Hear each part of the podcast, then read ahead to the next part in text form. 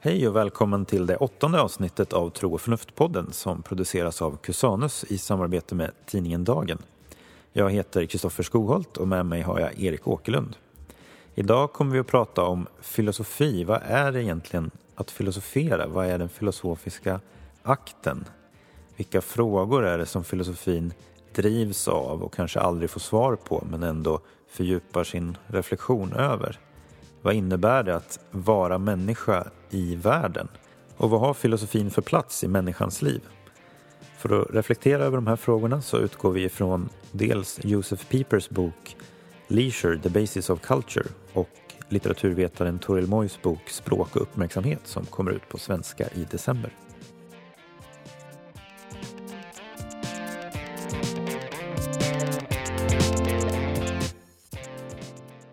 Men innan vi går in på dagens tematik och böcker så sa vi att vi skulle plocka upp några frågor som vi fick efter förra, eh, förra programmet. Och eh, två frågor som har kommit in på sociala medier. Den första handlar om eh, analogia entis som jag strax ska förklara. Och den andra har att göra med hur de här frågorna vi tog upp förra gången om Gud och Guds existens och väsen, vem Gud är, har att göra med frågan om Jesus Kristus och ja, den typen av centrala delar av, av vår tro, eller av, av den kristna tron. Om man tar den första frågan först då, analogia entis, kan vi bena isär det. Först, först har man ordet analogia, eller analogi på svenska, och andra ordet har man entis, varat, det som är. Så eh, det har alltså att göra med analogin av det som är. Om man börjar med första ordet då, analogi. Vad, vad är en analogi? Um, när vi använder ord, när vi pratar, så um, använder vi dem, kan vi använda samma ord på olika sätt. Ibland så ligger betydelserna ganska nära varandra och ibland lite längre ifrån. Så när de ligger väldigt nära varandra, om jag, om jag kallar en, pekar på en kökskniv och pratar om kniven och jag pratar om, eh, sen har jag en, en, en matkniv och pratar om kniven, då är det ganska nära varandra. Det är kniv i, i samma bemärkelse. Och då säger man att man använder ordet kniv univokt, alltså på samma sätt i de, i de olika fallen. Sen finns det fall där man använder samma ord på väldigt, väldigt olika sätt. Till exempel om jag har ett verktyg som jag kallar för tång eller om jag är ute vid eh, stranden och eh, plockar upp eh, sjögräs och kallar det för tång. Då är det två totalt olika användningar av samma ord. Och det kallar man för ekvivokt. Alltså inte ekivokt utan ekvivokt. Två olika sätt, två totalt olika sätt, orelaterade sätt att använda samma ord. Man har även kallat det för homonym, alltså att det är bara samma ord, men det finns ingenting som är gemensamt. Okej, okay, det är extremerna liksom. Sen har samma man, termen. Samma helt termen, helt olika betydelser. Ja. Mm. Sen har man det där som kommer mitt emellan. Då. Eh, och eh, det kan till exempel vara ordet god. När jag kallar en människa för god och eh, när jag kallar en glass för god. Det är någonting i det som är gemensamt. va? Eh, när en människa är god så handlar det moraliskt eller någonting sånt där om man ska försöka ringa in det. Men eh, om en glass är god så har inte det att göra med att glassen är moralisk riktigt, utan den är god i en annan bemärkelse. Men det är inte som tång och tång heller. Det är inte bara så att det råkar vara samma Det finns någon djupare logik som logik, motiverar ja. att vi använder samma Exakt. begrepp om de här. Precis. Till skillnad från tång och tång. Då. Mm. Exakt, mm. precis. Det finns någonting som, som, som gör att det förenar. Det är inte, inte helt ologiskt att säga att man har samma ord för dem. Nej, just det. Okay. Och det kallar man för analoga användningar då, utav mm. ett eh, mm. begrepp. Och det här har egentligen varit väldigt viktigt för många filosofer att försöka eh, bena ut det här Eh, för det handlar ju, vi använder ju språket när vi filosoferar. Och vi kan så lätt gå fel genom att förledas då att vi använder samma ord på olika ställen. Men, men hur relaterar de här användningarna av ordet och vad kan vi dra för slutsatser då rörande vad som är gemensamt mellan olika saker? Eh, så ända sedan Aristoteles och, ehm, och framåt så har, har man försökt att bena ut det här. Okej, okay, så det är analogi. Och sen har vi det här ordet entis då. Eh, det som är, och det pratade vi om mycket förra gången när det var den här boken The Experience of God, Being Consciousness Bliss. Där har vi va? Being, det är den första. Varat. Okej, okay. eh, så det är ordet är, att någonting är. Vad betyder det? Ja, då har man det här med att att vara sägs på olika sätt om olika saker. Det säger redan Aristoteles, han använder precis de orden. Att vara används på olika sätt om olika saker. Så eh, eh, enkla exempel då, som att någonting är i betydelsen existerar kontra att någonting är, eh, eh, är rött till exempel. Det kan man tycka är en ganska grundläggande skillnad men ja, det är bra att bena ut. Och på liknande sätt här då. Eh, om jag säger att eh, eh, en, eh, eh en häst är, eller finns till, och jag säger att Gud är. Är det, är det så att säga, använder vi är, existerar, finns till på samma sätt?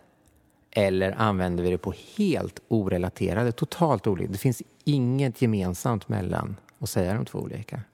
Och då har eh, Aristoteles sagt och Thomas av Aquino sagt ja, det är inte riktigt på samma sätt. Men det, det är inte så att det är helt godtyckligt heller att vi, att vi använder de orden. Så vi måste bena ut skillnaderna eh, framför allt för att se, så att vi inte förleds mm. då utav språket egentligen. Att till exempel prata om Gud eller dra slutsatser om Gud som, som inte är berättigade bara utifrån att man till exempel säger att Gud är. Så det är analogia entis, varats analogi. Just det. Men eh, till skillnad från när vi pratar om en god människa och en god glass så har vi då i exemplet med människan finns och Gud finns inte riktigt samma tillgång till vad det innebär för Gud att finnas, om, om jag förstår dig rätt. Nej, just i fallet med Gud eller varat självt och sånt där så, så eh, förhöjs ju svårighetsgraden, eller vad man ska säga, eftersom eh, det ligger i sakens natur att det, det övergår vårt eh, förstånd i en mening. Men vi kommer faktiskt, just den tematiken kommer vi nog komma tillbaka till den här gången lite grann.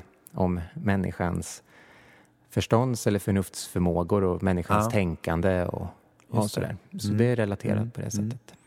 Precis. Men det klargör så att säga relationen mellan begreppen. Vi, Just det. Vi kan, vi kan så att säga med hjälp av exemplet med glassen och människan klargöra en relation som vi tänker oss också råder mm. mellan vad det innebär att Gud finns och att människan finns. Så att säga. Precis. Mm. Mm. Ja, men jättebra. Och sen var det en till fråga. Just det, och det här har då att göra med, eh, så det är väl en högst eh, relevant fråga att ställa.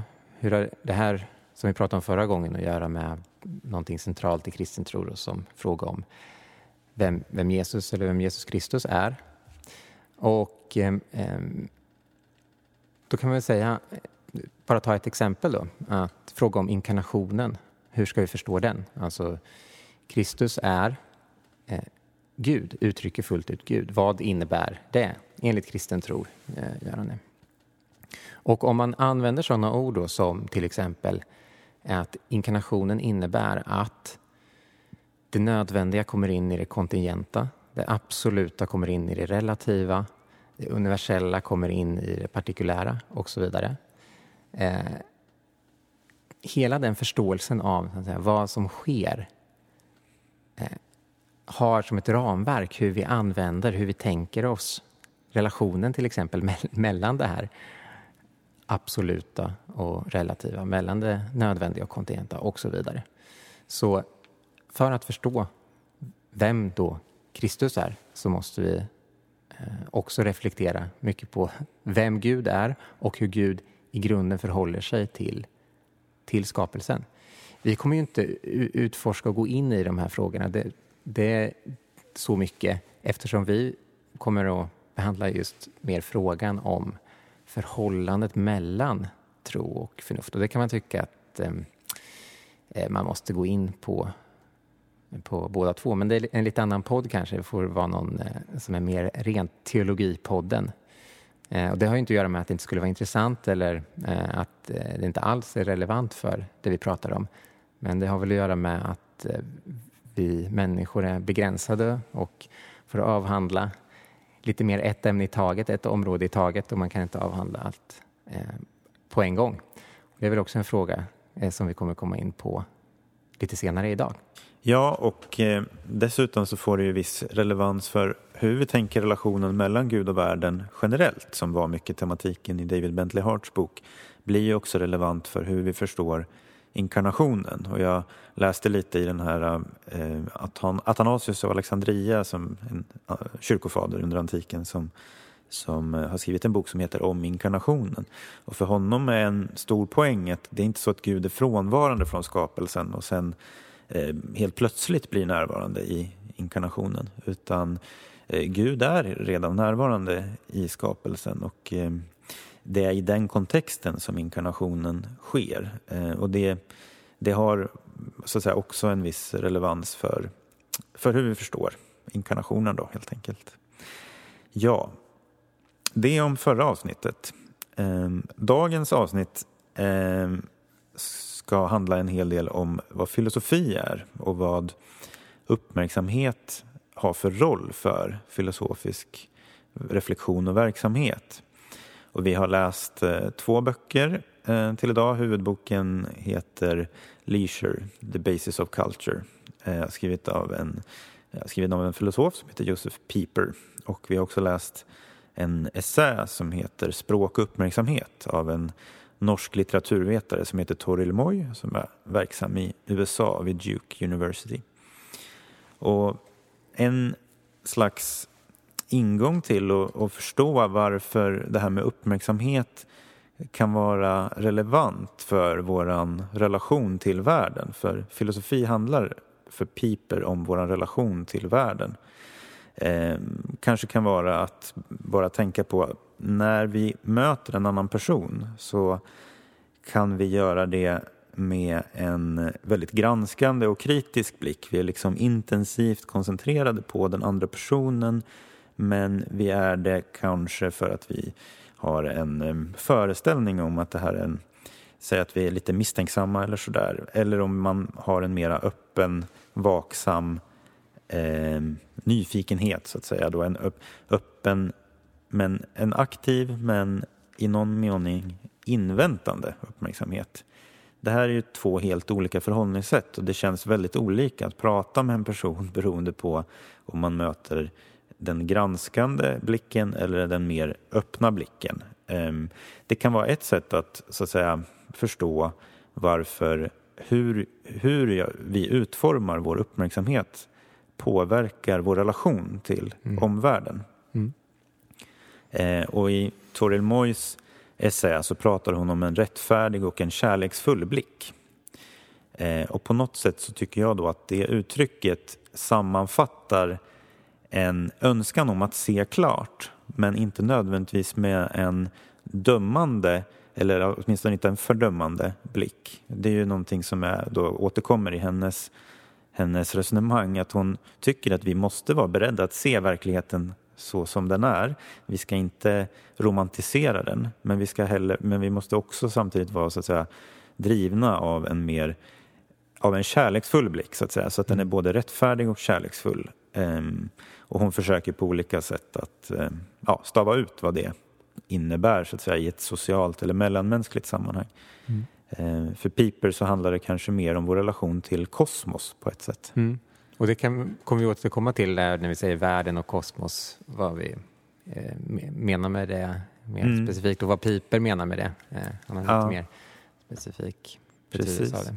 Men båda böckerna kan man säga har en slags samhällskritisk analys mm. och en, är också samtidigt en meditation över vad uppmärksamhet har för roll mm. i, i våra liv och i, för vår filosofiska verksamhet och sådär. Mm. Men hur, hur var ditt första möte? Vi kände ju båda till den här boken men från olika sammanhang. Hur, hur fick du så att säga, kännedom om Piper och blev intresserad av honom och så? Som så ofta så får man väldigt bra råd från sina studenter. Så det var en student som eh, tipsade om den. Ja. Eh, och eh, tyckte den var väldigt bra. Precis som du säger så, så kombinerar han en reflektion kring vad filosofi är med en väldigt intressant samhällskritik samtidigt. Eh, lite som en annan tänkare som Alistair McIntyre gör också. Och man börjar läsa deras böcker ofta som att okej, okay, nu ska vi titta på filosofi och filosofiska frågor och eh, vad filosofi är och sådär. Och sen går de in på en mängd an andra saker. Alltså, samhällsfrågor, eh, historiska frågor och sånt där. Eh, båda väldigt stimulerande att läsa Eh, på det sättet. Vi pratade ju om eh, lite det här med, med eh, att Piper är relativt svår. Han har många, många olika referenser. Men det är en, en svår avvägning det där. Jag kan tycka att man kan hoppa in i lite svåra böcker. Alltså filosofi är ju som ett samtal genom tiderna. Och eh, när man ska komma in i det samtalet så får man ta del av olika röster och då kanske man inte förstår allt vad som sägs från början. Man kommer in någonstans i samtalet. Men sen får man söka sig vidare. Eh, och ju mer man läser desto mer ser man olika, hur de refererar till varandra. Eh, man förstår bättre vilka frågor det är det handlar om och så vidare. Så eh, jag tycker att det är betydligt bättre att hoppa rakt in i förstahandslitteraturen eller hoppa rakt in i litteraturen som filosoferna själva har skrivit. Även om man känner sig lite, eh, lite bortkommen eller bortkollrad i början och sen arbeta sig vidare därifrån. Mm, det är klart, någon form av översikt kan man behöva men ofta så blir den typen av översikter om filosofi betydligt mer andefattiga än, äh, än vad filosoferna själva är. Och det blir väldigt förenklade bilder eftersom filosoferna själva ofta tar upp problemen med sina, med, med sina synsätt i sina böcker. Så de är mycket väl medvetna om det och bearbetar det. Och det är en stor del av filosofin också. Just det. Mm. Min, jag hörde talas om, om boken när jag läste, det var Peder Bergqvist som är föreståndare på Berget, reträttgården i Rättvik. Han skrev om, om, om ratio och intellektus som två uppmärksamhetsformer som Piper pratar om. Då. Och att det tyck, där tyckte jag att han kunde, han satte fingret på någonting väldigt centralt för, för att förstå, eh, ja kanske någonting som är lite utmärkande för, för vår samtid. Vi ska gå in på vad, vad Piper menar med de här två formerna. Skillnaden här då mellan ratio och intellektus som vi ska prata lite mer om sen men, men det handlar ju om att ratio är ju mer förknippat med våran analytiska ja, beräknande kunskap och intellektus är ett mer syntetiskt, kanske mer receptivt, lite mer intuitivt. Så, så uppfattar jag det preliminärt så att säga. Eh, och, och, där finns det en koppling till Toril Moy när hon pratar om vad humaniora och litteratur och, och den uppmärksamhet som vi har men som inte är liksom den kvantitativa mäta, mätbara vetandet eller den kvantitativa vetandet utan en slags existentiellt vetande, ett etiskt vetande som vi bland annat får tillgång till genom litteraturen menar Toril Moy. Och där kontrasterar hon den synen med en syn som en av hennes kollegor då på Duke University, nämligen en ganska känd naturalist som heter Alex Rosenberg som är scientist och för, för honom finns det ingen kunskap utanför det naturvetenskapliga. Det finns alltså ingen kunskap utanför ratio. Och när jag läser de här två böckerna bredvid varandra så ser jag en, del, en hel del anknytningspunkter och kanske fler än vad du uppfattade i alla fall eller kunde, tyckte dig se och sådär. Mm. Eh, men vissa beröringspunkter finns ju. Absolut. Eh, och så. Mm. Men vi kan väl gå över till leisure lite mer och ja. om du vill börja berätta lite om Precis, vad konceptet. är det här eh, leisure, the basis of culture, vad, vad, vad, är själva grunden? Sen kommer vi komma tillbaks till, till det här med uppmärksamhet och sånt. Mm. För det, det, är ju ändå, han vill göra en poäng rörande det här leisure. Ja. På, på tyska heter boken Mus und Kult. Idag kommer vi knöla förresten lite med, med ord, men ibland måste man göra det i filosofi. Eh, för, att, eh, ja, för att vi tänker och eh, kommunicerar genom språket och då använder vi ord så det är bra att vara uppmärksam på, mm, på orden ja, också. Precis. Mose eller leisure ehm, det motsvarar grekisans skåle som vi har i ordet skola. Och det handlar om en, en sorts eh, aktivitet eh, en, en form av receptiv aktivitet som de fria männen i Aten utförde till skillnad från slavarna egentligen som utförde eh, bundet arbete. Så eh, I grunden handlar det om en, som Piper skriver, e-, ett förhållningssätt. På svenska finns det som sagt inget riktigt bra ord för det. Vi, har, vi kan, det finns ett gammalt talesätt att prata om att njuta sitt otium. Och otium är latinets ord för skåle. Alltså, på sin ålderdom kan man njuta sitt otium. Alltså man kan sitta och odla ett förhållningssätt eller odla bildning och så vidare.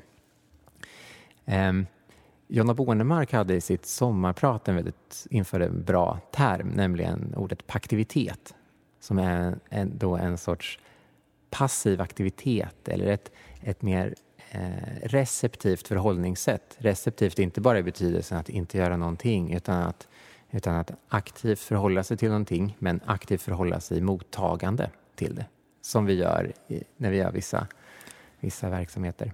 Ja, precis. Jag tänker, kan man ta några liksom, tydliga exempel på när det här förhållningssättet ofta så att säga sker?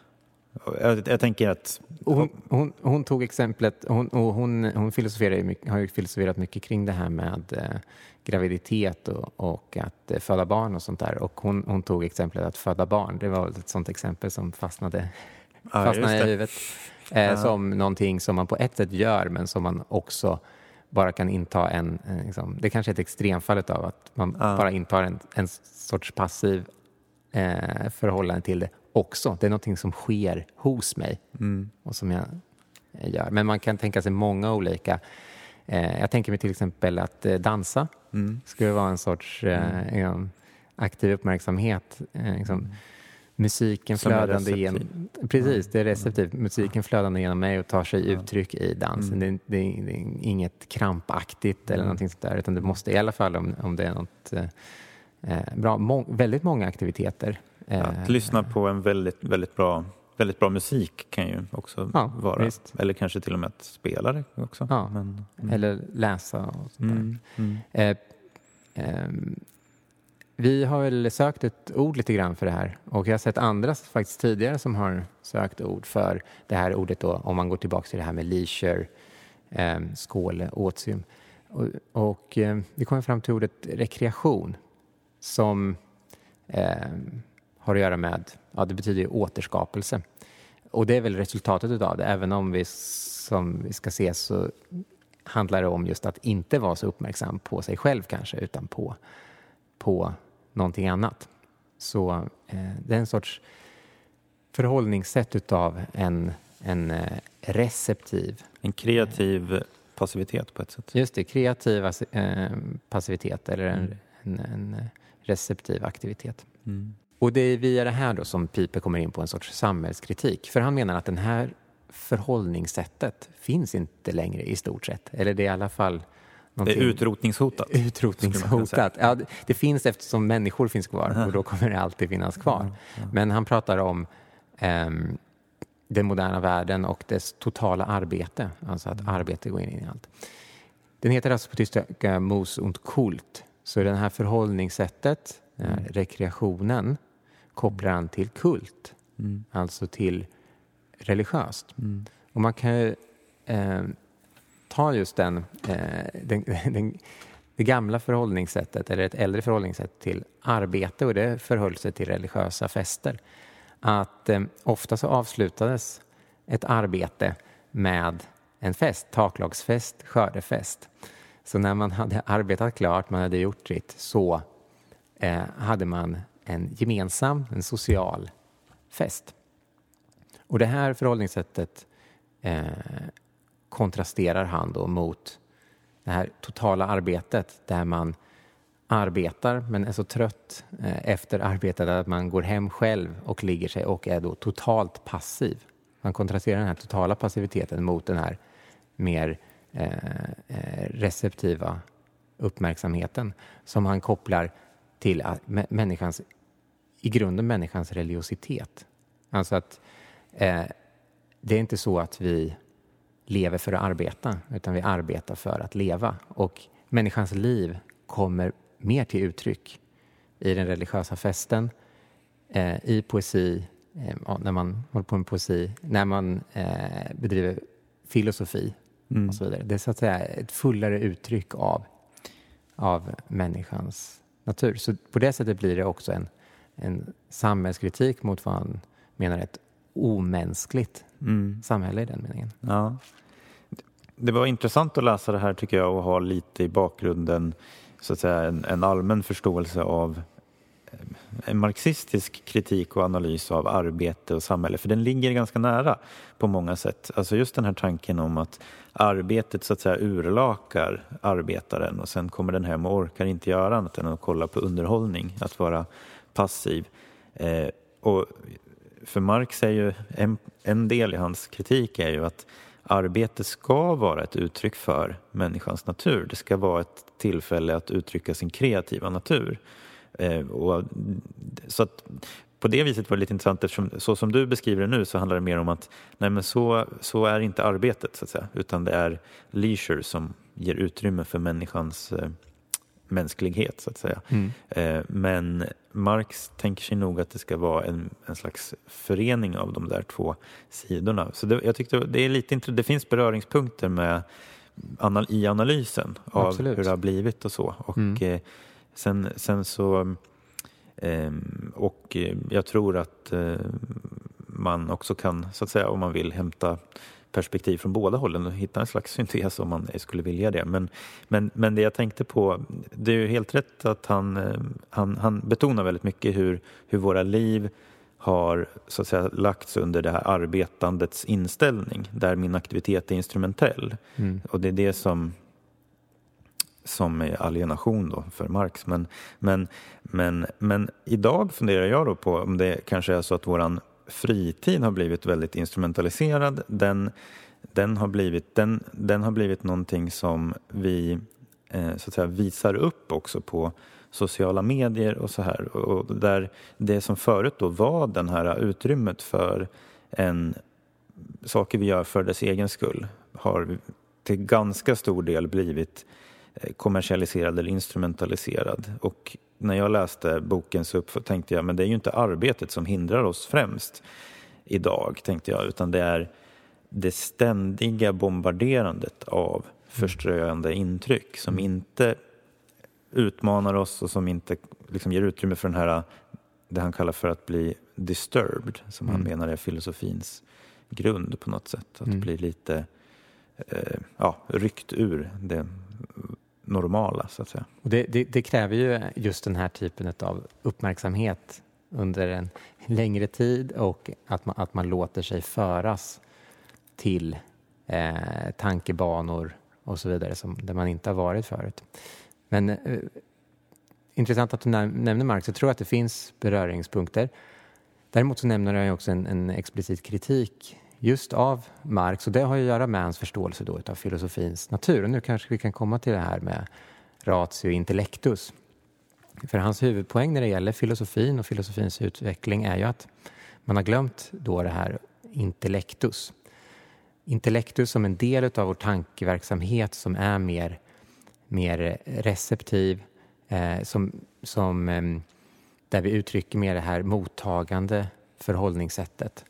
Eh, det var grekiskans nos.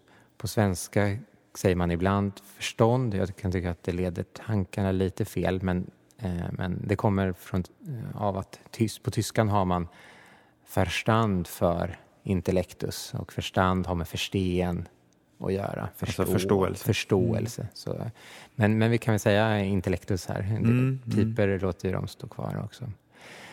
Ratio å andra sidan då har mer utav ett, det där aktiva förhållningssättet när du pratade om eh, hur man är gentemot andra människor, kanske en mer analyserande, genomträngande blick. Mm. Eh, eh har med begreppsdefinitioner, att arbeta med, med logiska system. Det mm. förutsätter ju någon form av grundläggande mottagande. Ratio förutsätter ju mm. intellektus, mm. säga, som, som han framställer det och som man mm. traditionellt har tänkt.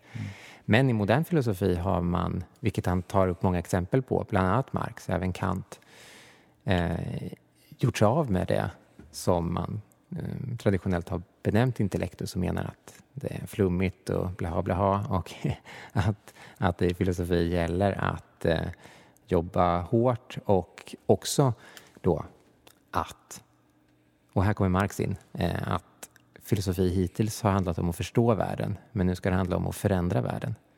Och, men enligt Pipers synsätt så är ju inte filosofi för någonting annat. Om filosofi instrumentaliseras så är det inte längre filosofi. Det tillhör själva kärnan, själva naturen hos filosoferandet i den grundläggande filosofiska akten, att den görs för sin egen skull. Och om den instrumentaliseras så försvinner vad man kallar för filosofi och även det högsta uttrycket utav mänsklig aktivitet. Det som Thomas av Aquino pratade om, att det är inte bara mänsklig utan övermänsklig så att säga, utav, i, den, i den mänskliga eh, aktiviteten. Det är klart att filosofi kan få goda konsekvenser. Alla vetenskaper, ja nu är jag lite eh, lite jävig här eftersom jag håller på med filosofi, men det måste man väl ändå säga att alla vetenskaper har från början kommit ur filosofi. och, eh, är man, hela tiden beroende av. Och är, eh, precis, i bästa fall så, så står det någon form av relation till det. Så det är klart att filosofi kan ha konsekvenser, men de får så att säga inte vara väsentliga i filosoferandet. Ungefär som det här, vi pratar om rekreation. Det, det kan inte vara så när jag när jag, då, när jag ägnar den typen av uppmärksamhet till någonting. När jag läser en bok mm eller när jag håller på med filosofi mm. så kan jag inte i den akten tänka att det här ska jag göra för att mm. jag ska få rekreation. Det här ska jag göra för att få ut något resultat av det mm. för att bli mer balanserad.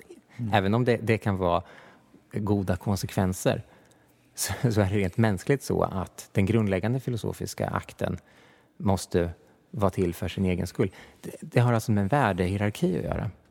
Att, eh, som han sa då, vi, det är inte så att vi vi eh, lever för att arbeta, vi arbetar för, för att leva. Och det här är um, höga uttryck för en mänsklig natur. Och han mm. tar även upp andra, jag menar filosofi, eh, religiösa fester mm. eller religiositet och, och även poesi till exempel. Mm. Nej, men jag, håller, jag håller helt med om att, så att säga, det finns det, det grundläggande, den grundläggande så att säga, inställningen här är att vi gör Vissa saker gör vi inte för att någonting annat och en vänskapsrelation till exempel skulle ju bli lite korrumperad så att mm. säga om den instrumentaliserades. Och, och, på ett liknande sätt är det med vår nyfikenhet på tillvaron som ju är filosofins liksom, grundläggande bränsle och sådär. Så att det finns en, en risk att man korrumperar eller i värsta fall liksom perverterar det.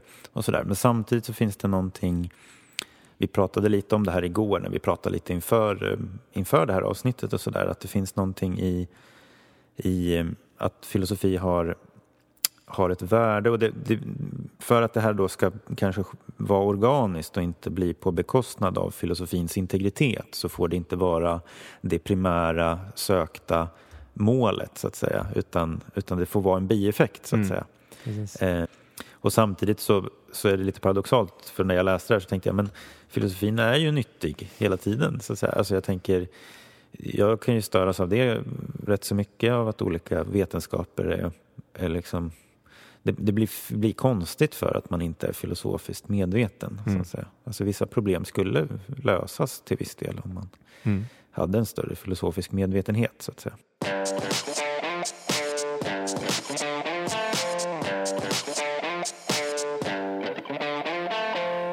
Okej, men om vi ska försöka stava... Vi har ju pratat nu lite om det med... Vi började med eh, mm, ett uppmärksamt förhållningssätt. Som är människor. mottagande. Som är mottagande, precis, mm. generellt. Mm. Mm. Och sen hur det förhåller sig till filosofin, vad filosofi är. Att grunden, kärnan i filosofi har att göra med det här receptiva, eller den här paktiviteten. Mm. Ett mer receptivt mm. förhållningssätt. Mm. Okay. En slags Men, inre tystnad kanske som ja. utgångspunkt. Ja, precis. Stillhet för att kunna mm. eh, höra. höra eller ta emot. Mm. Um, men för att stava ut det lite mer då, vad, vad förhåller man sig till? Eller hur, hur förhåller man sig till? Vad är det man förhåller? Det är ett förhållningssätt. Mm. Till vad, mm. kan man fråga. Mm. Och där gör Piper tycker jag är en väldigt intressant eh, distinktion som han har hämtat från andra visserligen. Men han eh, gör en distinktion mellan eh, miljö och värld. Och vad är miljö då? Jo, allt, allt levande har en insida och en utsida så att säga. Redan från, från cellen så, så finns det en, en, avgränsning mellan vad som är cellen och vad som inte är cellen. Och därmed finns ett sorts förhållningssätt, även om det förstås är långt ifrån medvetet hos en cell. Men det finns ändå någon form av relation eller det står i ett, ett förhållande till eh, världen utanför. Det får en omvärld. Det får en omvärld, det får en för miljö då. Mm, alltså det, och det är det han kallar mm. för miljö. Mm. Eh, och eh, när man sen går till mer och mer komplexa levande varelser så blir också den relationen större och större eller mer och mer komplex. Om man kommer till, till växter så har en, en viss förhållande till sin omvärld. Mm. Det handlar om att ta upp näring, det handlar om eh, om vilken typ av livsmiljöer som finns så att den kan växa och så vidare. Mm. Mm. När man kommer till djur så har vi ännu mer komplexitet eftersom vi då har eh, sinnesförmåga, vi har eh, hörsel och syn och så vidare. Det finns eh, bytesdjur, det finns faror som den kan undfly, den söker sig till olika saker. Det är en mer komplex förhållande till sin miljö. Och när det kommer till människan så är det än mer komplext förhållande till sin miljö eftersom vi förhåller oss planerande. Vi kan tänka på morgondagen eh, och eh, har en mängd olika you förmågor som ger oss en mängd olika relationer till vår miljö. Så vi, precis som allting levande, har en miljö runt omkring oss. Då. Men hos människan kommer också någonting helt kvalitativt nytt, alltså någonting helt nytt som inte bara är en sorts stegring av det tidigare utan någonting som inte alls finns hos andra. Och det är att vi kan förhålla oss till allt som är, alltså till vad han kallar för världen och till exempel ställa frågor om den. Varför finns någonting istället för ingenting? Det är en sorts grundläggande fråga. Vi kan för, och här är det, det är förundran. Det begreppet har eh, redan Aristoteles. Förundran är filosofins början.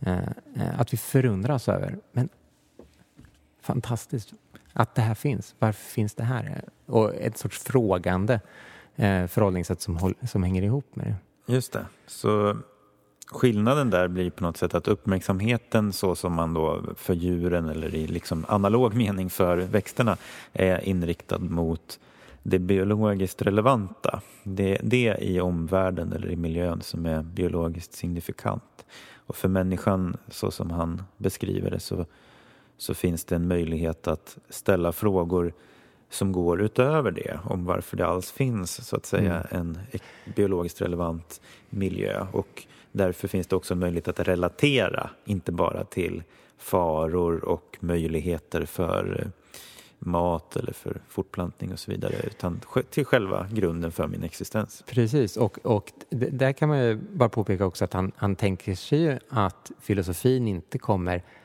först. Eh, så här, om man tittar på filosofi och religion så tänker han sig att religion tidsmässigt kommer först och i en mening också rent mm, för oss i någon form av struktur i hur vi uppfattar verkligheten, hur vi förhåller oss till verkligheten också kommer först eftersom religion har att göra just med vår relation till världen som helhet, hur vi förstår den och kanske i relation till någonting som är dess grund också och så vidare. Men det har att göra med en relation till tillvaron som helhet eller då världen som helhet. Så där är där Men där är relationen tematiserad på ett annat sätt. Då. Den är tematiserad genom berättelser. Så att, tänker jag, tänkte jag när jag läste det. Alltså ja. Genom religionen så får jag så att säga människans relation till världen eller eh, kosmos tematiserad genom berättelser och bearbetad genom berättelser. Precis, men däremot så gör han då en, en skillnad mellan två olika sätt att tänka sig filosofi. Antingen filosofi som någonting som tänker med den traditionen, helhet, mm. och är en sorts kritiskt moment i den. Mm. Eller filosofi som någonting som börjar i en sorts total skepticism. Ja. Som man menar då är en fel utgångspunkt, för du kommer aldrig komma någonstans. Du kan, kommer inte kunna bygga upp någonting utifrån och börja med det.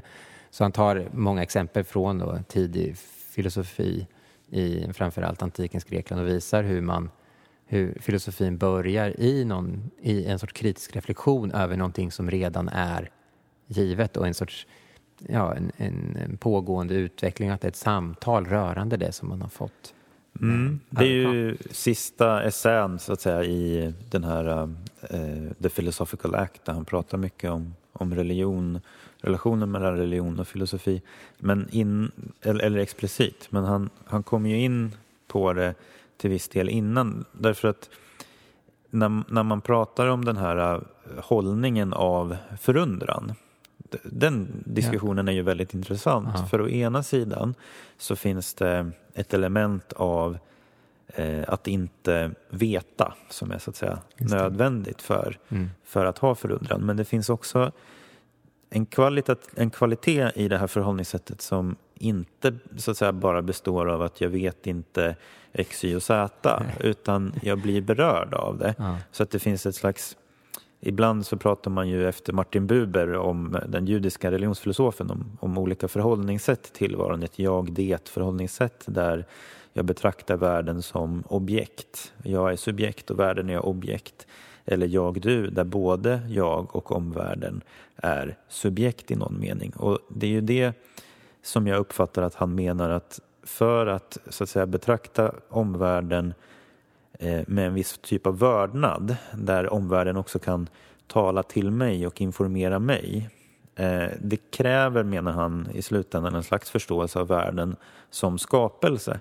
Och när jag har tänkt på det där så funderar jag lite på, jag tror inte att det krävs att säga, en explicit förståelse av världen som en skapelse från en transcendent gud. Men kanske är det så att mitt förhållningssätt eh, implicit eh, så att säga bejakar något av det som en skapelse eh, troende filosof, och då menar jag förstås inte skapelse i någon kreationistisk mening utan bara det att det kommer från eh, ja, Gud, ett gott eh, högsta eller absolut eh, väsen så att säga. Mm. Eh, men, men där tycker jag att han är, det är något som jag tycker är väldigt intressant, alltså den här förundrans mm. fenomenologi eller vad vi ska mm. kalla det för och, och eh, vad våran kunskap gör med den här förundran. Det var något vi var inne lite på i förra avsnittet också.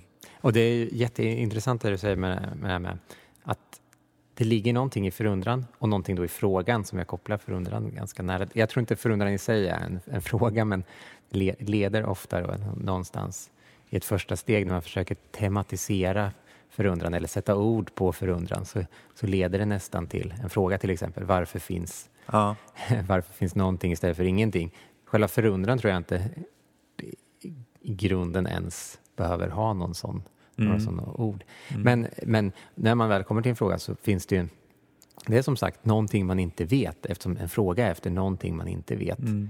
Mm. Eh, men det måste samtidigt utgå från någon form då utav mm. kunskap också. Så, mm. så filosofin utgår från den här, ibland pratar man, säger använder man dialektik och det, det, betyder någon form av samspel mellan eller att eh, två poler som, som det pendlar mellan. Den här dialektiken då mellan kunskap och okunskap, det båda finns med. Mm. Och han kopplar ju det till, till eh, hoppet mm. ganska fint. Alltså att filosofin har samma förhållningssätt, eller det finns en liknande struktur i filosofin som det finns hos hopp. Nämligen redan här men ännu inte. Vi måste ha redan här för att veta vad det är vi hoppas på. Men hoppet förutsätter också att det finns någonting som ännu inte fullbordats. Mm. Annars mm. skulle det inte mm. vara ett, ett mm. hopp. Mm. Och att det är samma sak i, i filosofi, så att det finns en, också en sorts omisskännlig om, om man lyssnar på oss eh, när vi pratar jämfört med kanske om, om man säger, eh, utlägger senaste rönen i, inom eh, eh, kosmologi, inom fysik, så kan man tycka att det finns en sorts osäkerhet i filosofi som inte finns på andra ämnen. Och Piper menar att det ligger i själva filosofins natur på ett sätt, att man försöker att sätta ord på någonting som vi inte riktigt någonsin här i den här världen i alla mm. fall mm. kan, kan sätta mm. ord på. Mm. Och att han pratar också då om att filosofi måste vara ett öppet system, det kan mm. inte vara slutet. Det tillhör själva hur filosofin är, att den aldrig blir avslutad. Precis.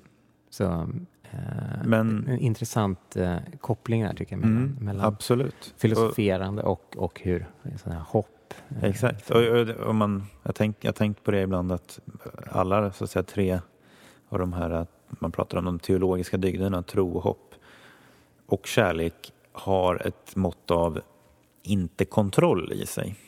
Ehm, mm. Och, eh, ja, just det. Det, det, det, är ett sätt att relatera som inte innebär att jag kontrollerar det. det. jag relaterar till. Ja. Och, och ja. jag tänker ibland att eh, det här hoppet, eh, vad är det jag har ett hopp om? Mm. Det, är, det hoppet är inte ett hopp om att jag ska ha full kontroll över verkligheten. Nej. Utan Exakt. det är på något sätt, um, alltså, vi pratade lite om det innan, vad, vad, vad, är så att säga den paradigmatiska kunskapsakten? Är det när jag har totalt ringat in någonting, har det så att säga greppar om det? Eller, eller är det snarare kanske som när jag känner en annan person? Mm.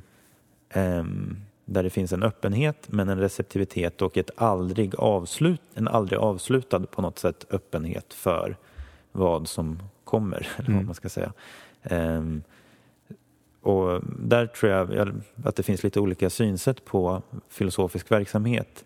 Um, jag kommer ihåg att jag läste en metodbok i filosofi och första meningen störde jag mig ganska mycket på för då var meningen var filosofi är för hårklyvare.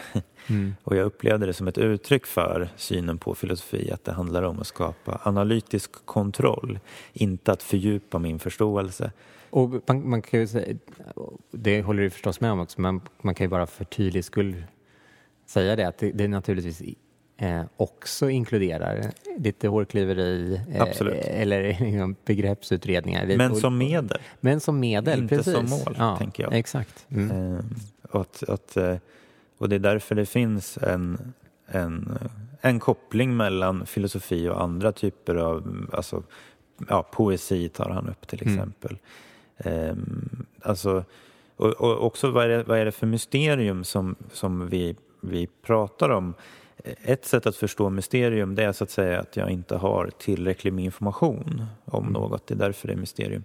Men ett annat sätt är att säga att det finns mer här än vad jag riktigt kan artikulera. Mm. Så jag har, det, det relaterar till Mikael Polanyi's påstående om att vi kan veta mer än vad vi kan säga. Mm. Det är så att säga inte nödvändigtvis för att eh, det finns en brist på mening utan det finns ett överskott av mening som jag mm. inte kan artikulera. Jag tycker att det är ett mm. bra sätt på något sätt. Vad är det det här hoppet består av? För mm. det, det, skapar också olika inriktningar för mitt tänkande så att säga.